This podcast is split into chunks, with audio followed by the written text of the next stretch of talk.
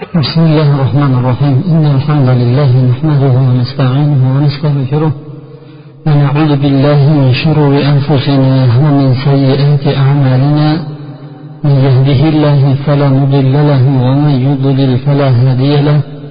وأشهد أن لا إله إلا الله وحده لا شريك له. وأشهد أن محمدا عبده ورسوله أما بعد. السلام عليكم ورحمة الله وبركاته. Alloh taologa hamdu sano payg'ambar sollallohu alayhi vasallamga salovatu durudlar bo'lsin.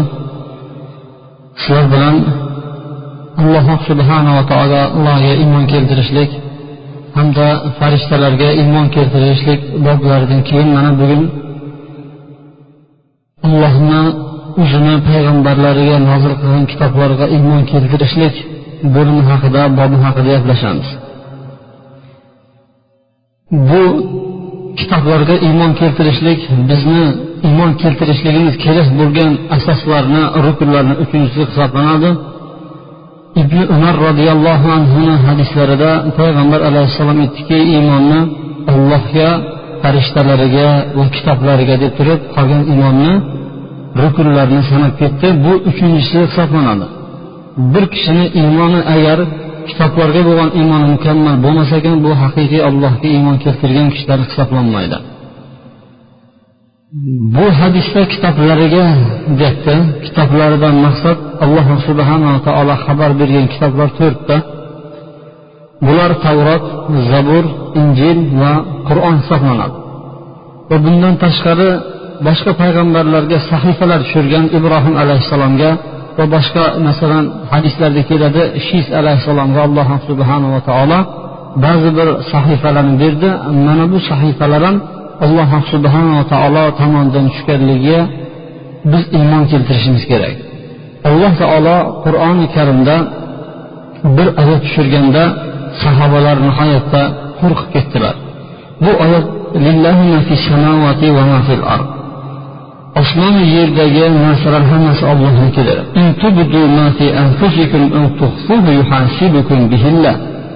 sizlar ichingizlardagi biron bir narsani oshkor qilasizlarmi yashirin qilasizlarmi alloh taolo shunga ko'ra sizlar bilan hisob kitob qiladi.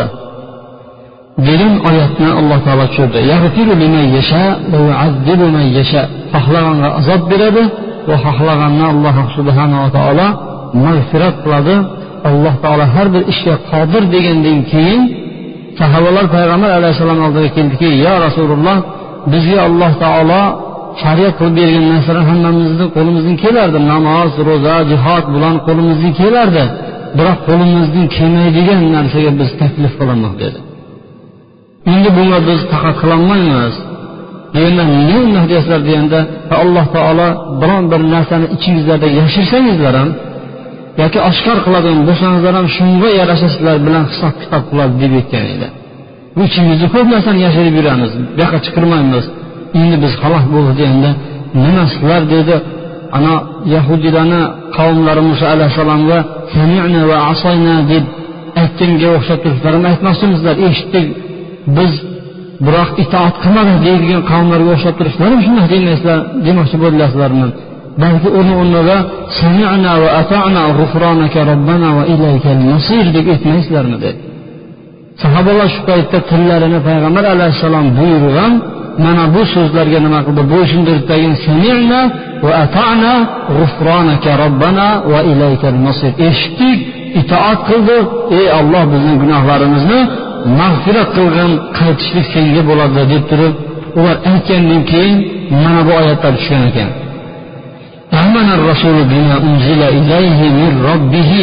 payg'ambar o'zidan ya'ni olloh tomonidan o'ziga nozil qilgan narsaga iymon keltirdi mo'minlar ham iymon keltirishdi ana shu narsaga كل آمن بالله وملائكته وكتبه ورسله لا نفرق بين أحد من رسله ularni barchasi ollohga farishtalariga kitoblariga payg'ambarlarga iymon keltirdik U payg'ambarlarni o'rtalarini biz ajratmaymiz deb aytadigan kishilar bo'ladi dedi demak mana bu oyatda ham payg'ambar ham deyapti hamda mo'minlar ham alloh subhanava taolo tomonidan tushirilgan kitoblarga iymon keltirganligini mana oyatda xabarini beryapti. Endi mana bu kitoblar yuqorida aytib o'tgandek to'rtta dedik. Birinchi tavrot ikkinchisi injil uchinchisi zabur to'rtinchisi qur'on. Mana shu kitoblarga bir qator to'xtalib o'tamiz. Tavrot degani bu shariat degan ma'nolarni bildiradi. Ya'ni shariat hukmlarini o'z ichiga olgan kitob hisoblanadi. Alloh subhanava taolo buni muso alayhissalomga nozil qilgan edi. Muso alayhissalomga nozil qilgan edi. Hattoki o'zlarini kitoblarida batafsil hidoyat nurlar yozilgan edi. Ammo hozirgi kunda bu tavrot alloh subhanava taolo nozil qilgan tavrot yo'q. Hozirgi kunda bir odam yo'q man tavrot bor hozir man bilaman shu yer yuzida deydigan bo'lsa yo'q bunaqa tavrot yo'q. Sababi payg'ambar sollallohu alayhi vasallamni davriga kelmasdilar burun ular o'zlarini qo'llari bilan tavrotni o'zgartirib yuborgan edi. Va hozirgi kunda mana injil haqida ham gaplashamiz. Injil yo'q hozirgi kunda. Alloh subhanava taolo nasoralarga nozil qilgan injilni hozir biz topolmaymiz ammo shu kunda nozil qilingan tavrotga va ana shu kunda nozil qilingan injilga biz iymon keltiramiz. Ana shu injil ana shu tavrot alloh subhanava taolo tomonidan nozil qilingan degan bir biz e'tiqodda bo'lishimiz kerak. Biroq buni o'zgartirib olganligiga biz qasdin bilamiz. o'zgartirganligini biz alloh subhanava taolo bizlarga xabar berganligi uchun biz bu xabarni tasdiqlaymiz. Alloh taolo moida surasida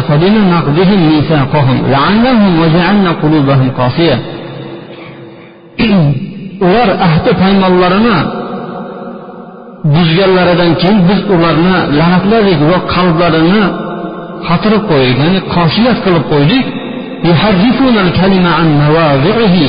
Keyin ular tavrotdagi payg'ambar alayhissalom keladi hali degan joyini nima qildi? O'zgartirdi ular. Deb mana alloh subhanava taolo bayon qilyapti ko'p oyatlarda aytgan ular kalimalarni o'zini o'rinlaridan boshqa yoqqa o'zgartiradilar deb turib alloh taolo juda juda ko'p o'rinlarda bizlarga xabar bergan. Mana hozirgi kundagi tavrot asli tavrot bo'lmasligidan dalil bu ilohiy kitobda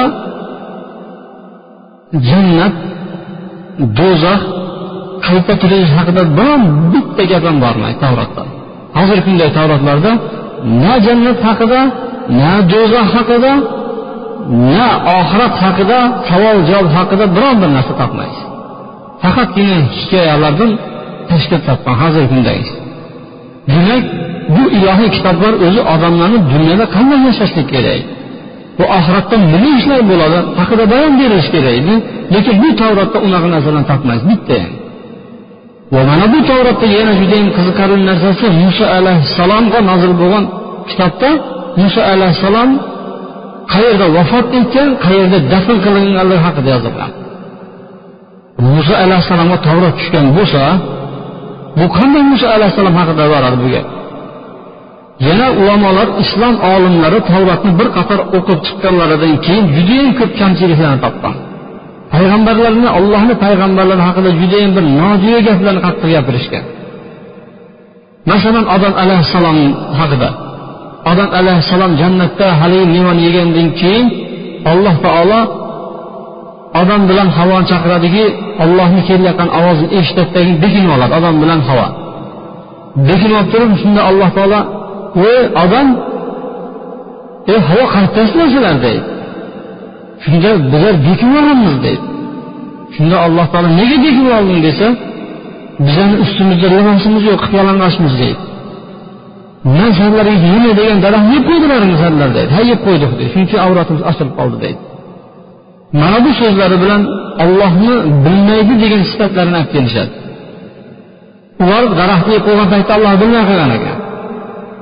Shuning uchun nimadir jannatda bekinib olgan paytda ham alloh taolo qayerda bekinib yotganligini bilmagan ekan.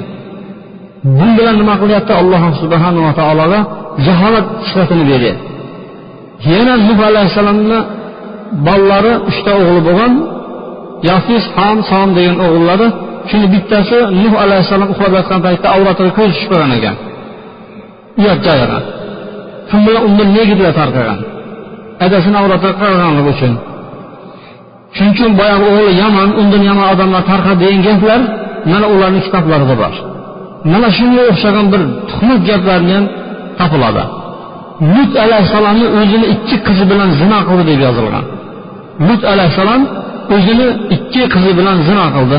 Ya'ni lut alayhissalom qavmini alloh taolo halok qilib tashlagandan keyin bular bu halok bo'lgan qishloqdan uzoqqa borgandan keyin qizi bor ikkita qizi bor lut alayhissalom. Shular najot topgan edi. Endi nasl tarqamay qolmasin qo'rqitqazin tutazing degan ikkita qizi lut alayhissalomga sharob ichirdi. Sharob ichirgandan keyin mast bo'lib qoldi. Mast bo'lganlaridan keyin nima qildi? Keyin ikkalasi ham qo'shilib zina qilishib oldi. Nasl tarqasi deb turib ikkalasi ham keyin homilador bo'lib qoldi. Degan narsa ularni kitoblari bilalar bunaqa aroq ichishlik ularga yarashadigan narsa emas nuh alayhissalomni ular aroq ichdi deb e'tiqod qilishadi. Nuh alayhissalom bunaqa jirkan ishlar bilan shug'ullanadigan kishi emas. Dovud alayhissalomga bir tuhmatlarni aytadiki dovud alayhissalom bir kuni yuqorida turgan paytlarida bir qo'shnini uyida bir go'zal ayol qilganlanasi bo'lib turgan ekan. Judayam nihoyatda go'zal ekan.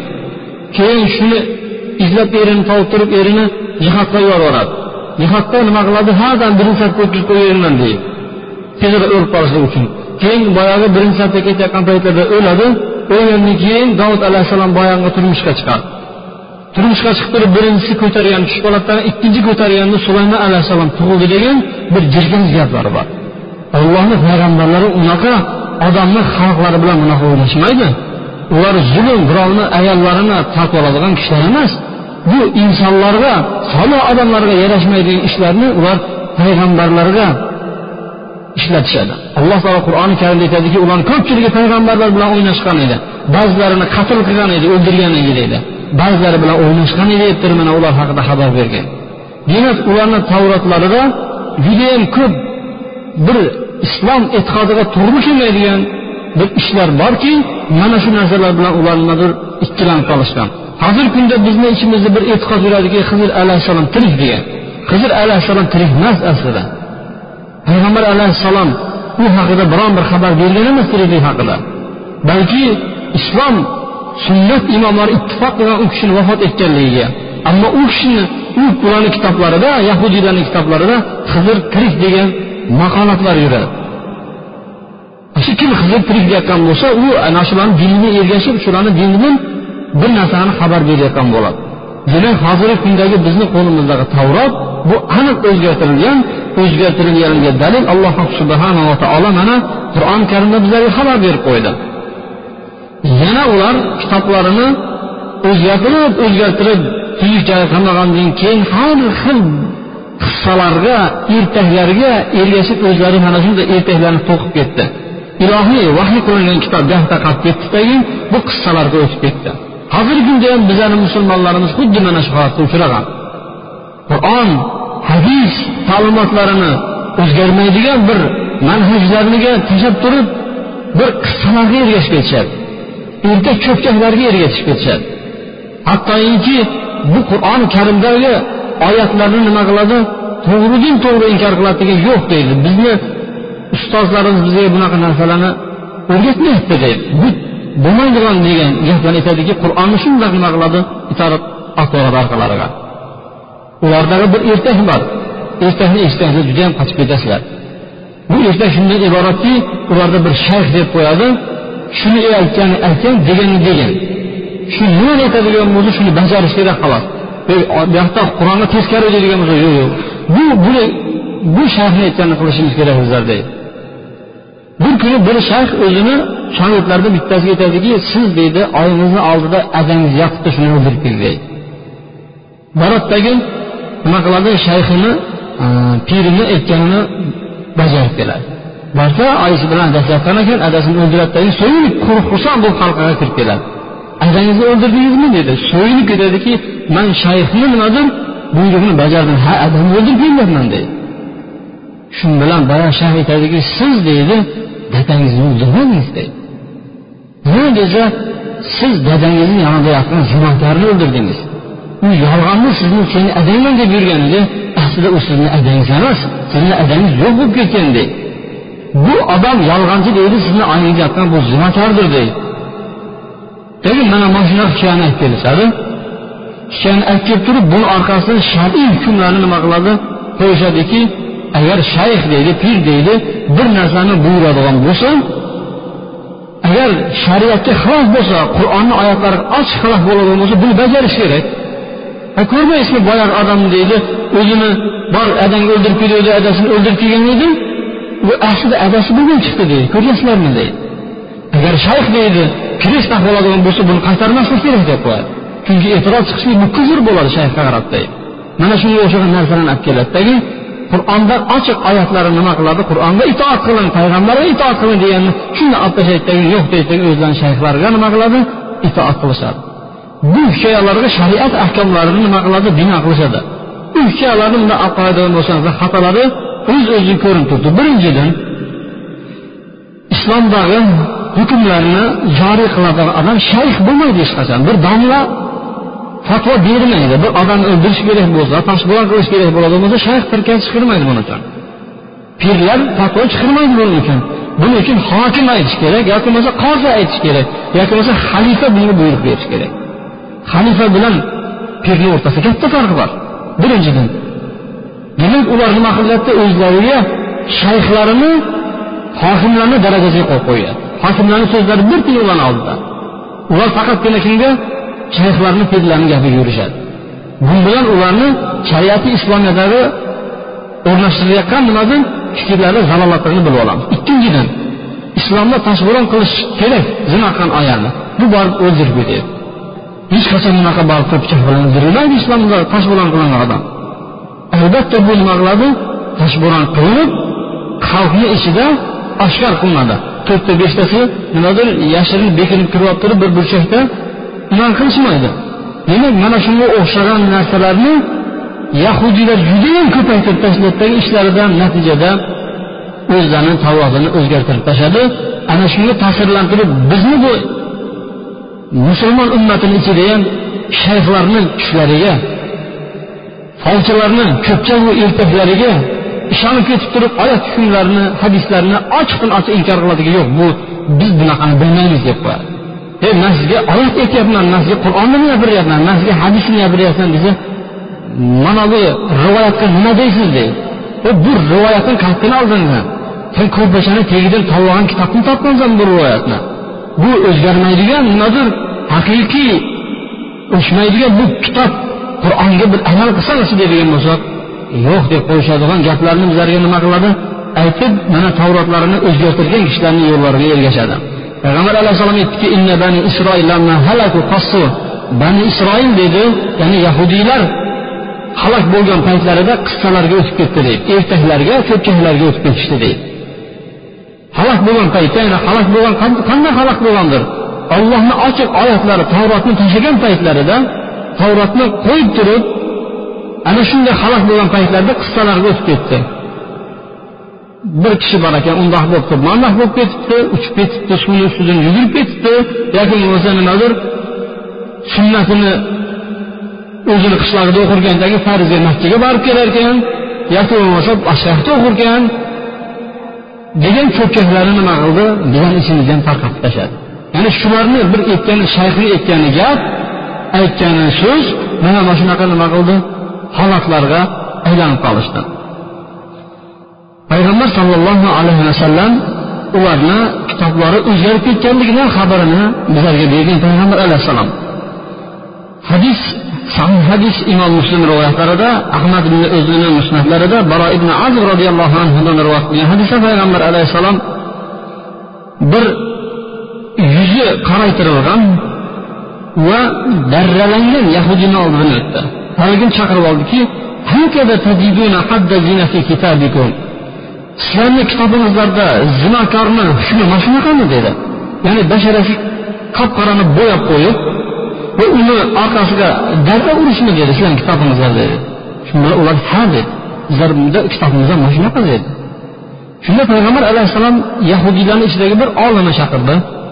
Ulamoni chaqirdiki ollohni o'rtaga qo'yib qasam ichib aytaman dedi.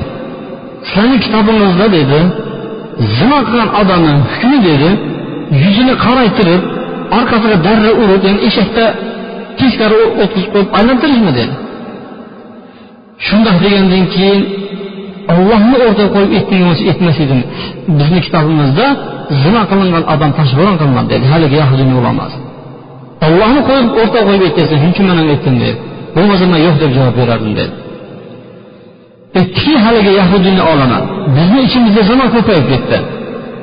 Nima ko'paygan paytda ham hurmatli odamlarni ichida ko'payib ketdi. Shuning uchun hurmatli odamlar zino qilib qo'yadigan bo'lsa yuzlarini qap qilib turib va ularni orqasiga darralar urib mashina aylantiradigan bo'ldi xalqni ichida bizani ichimizdagi zaif odamlar ya'ni kambag'al sifat odamlar agar zina qiladigan bo'lsa ularni toshbo'ron qiladigan bo'ldi. Dedi shunda sahobalar aytdiki kelinglar dedi alloh subhanaa taolo sizlarni ham biladi bizlarni ham chaqirgan bitta hukmni ustida birlashmaymizmi dedi. Payg'ambar sallallohu alayhi vasallam aytdiki ey olloh dedi. Ana ular tiriltirilgan hukmni mana bugun man birinchi bo'lib turib o'ldirgan hukmni man birinchi bo'lib tiriltiraman deb haligi qop qora qilingan yahudiyni payg'ambar alayhissalom toshbo'ron qilishlikda buyurgan ekan. Shunda alloh azza va jalla mana bu oyatlarni tushirdiki ya ayyuhar rasul la yahzunka allazina yushariyuna fil kufri min allazina qalu amanna bi ahwahihim va lam tu'min qulubuhum ey payg'ambar sizni ularni qilayotgan ish xafa qilmasin. Ular kufrga tezlab ketgan ediki ular og'izlari bilan iymon keltirib biroq qalblari hali iymon keltirgan emas edi ularni. Yana mana shuni alloh subhanava taolo shu oyatlarni davomida aytdiki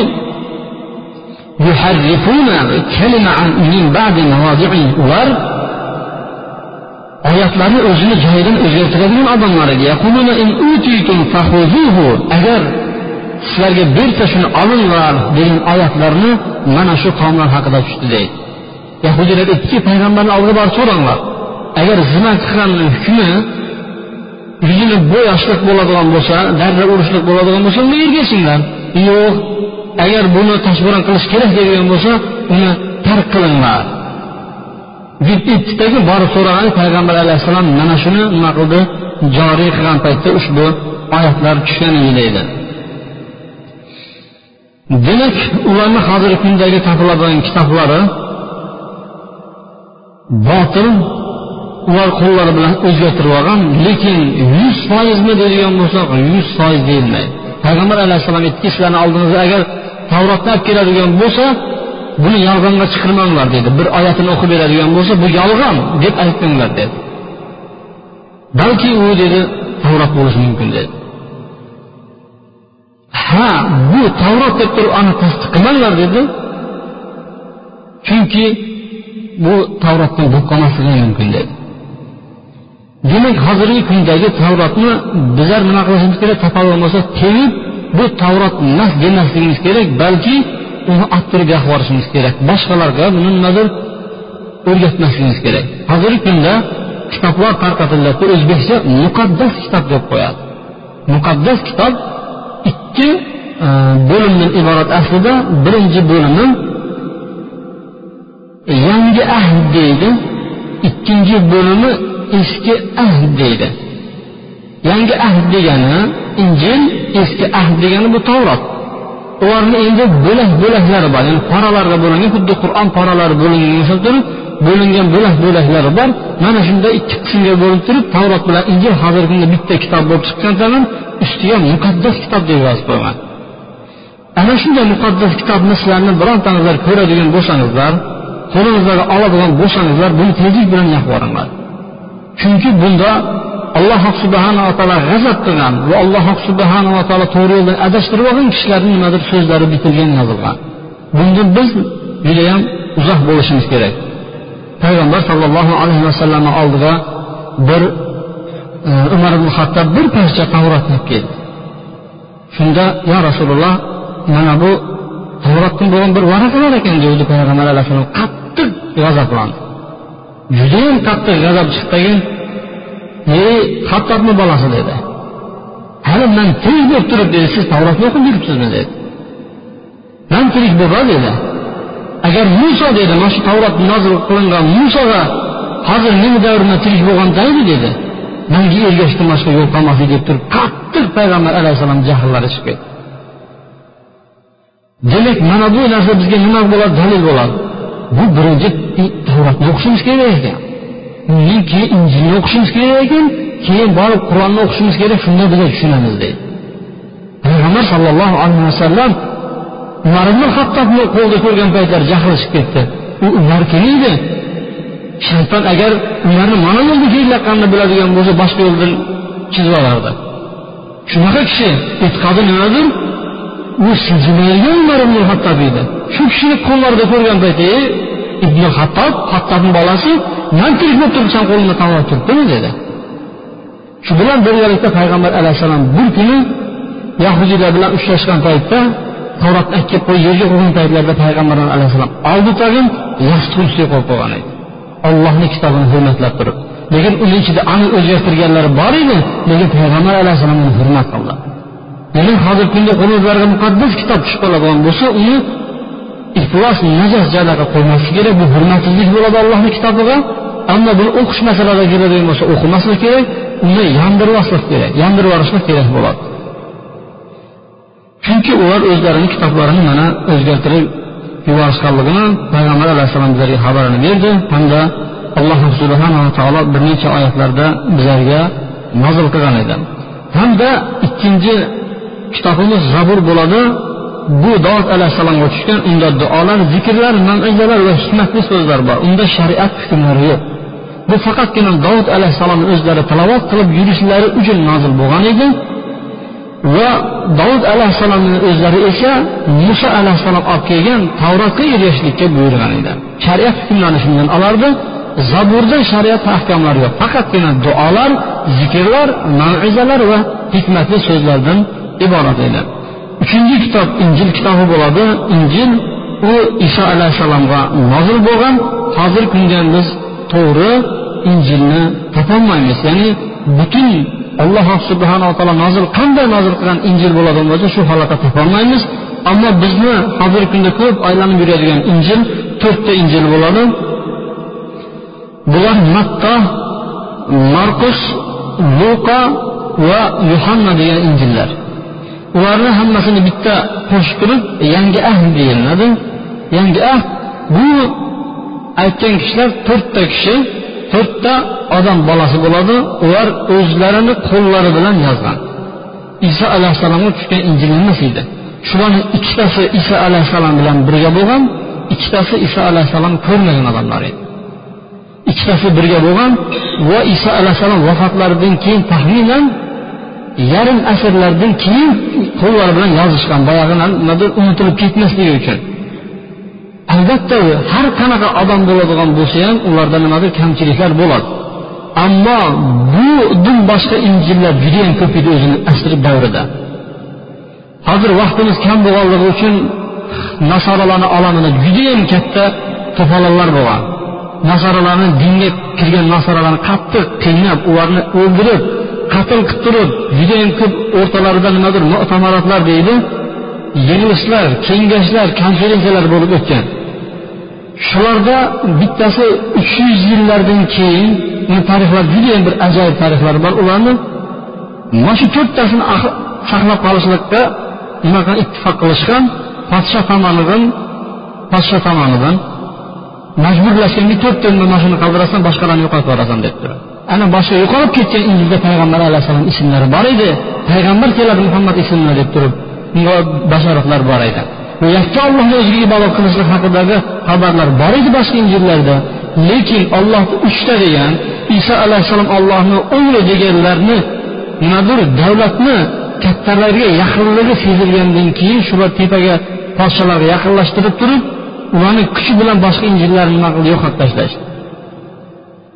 Va alloh taolo bitta iso alayhissalom uni nimadir? Rasuli o'g'li emas deganlarni bir chetdan qatl qildi o'ldirib tashlanaverdi hech biri qo'yishmadi. Faqatgina mana shu to'rtta injilni qoldirishdi va bu to'rtta injil ham bir birini o'rtasida judayam katta ixtiloflarga ega. Biri joyi ikkinchi joyiga to'g'ri kelmaydi. Hattoki hozirgi kunda islom olimlari islom olimlari ular o'zlarini injillarini o'rganib turib o'zlarini injillarini o'rganib turib o'zlari bilan bahs qilib turib ya'ni bahsga spor bo'lyapti judayam katta sporlar bo'lyapti va aytyaptiki kelasi ikkalamiz uchrashadigan ya'ni munozaraga bitma bit yuzma yuz bo'ladigan nimadir uchrashuvimizga manavi manavi manavi manavi savollarimiz javob topib ketyapti ochiqni aytyapti lekin kelyaptidagi munozarada bitta ham savolga javob topolmay kelyapti. Bitta savoliga javob topisholmayapti hozirgi kunda. O'zlarini o'z kitoblari bilan o'zlari judayam katta ixtilofda. Hozirgi kundagi injilni biz alloh subhanava taolo mana shunday holatda nozil qilgan deb biz aytolmaymiz sababi undagi kamchilikni aytib beradigan bo'lsa bunga vaqtimiz sig'maydi demak bu uchta kitob zabur u kiritilmagan buni ichida injil bilan tavrotni o'z qo'llari bilan o'zgartirishgan ular alloh subhanaa taolo ثم يقولون هذا من عند الله ليشتروا به ثمنا قليلا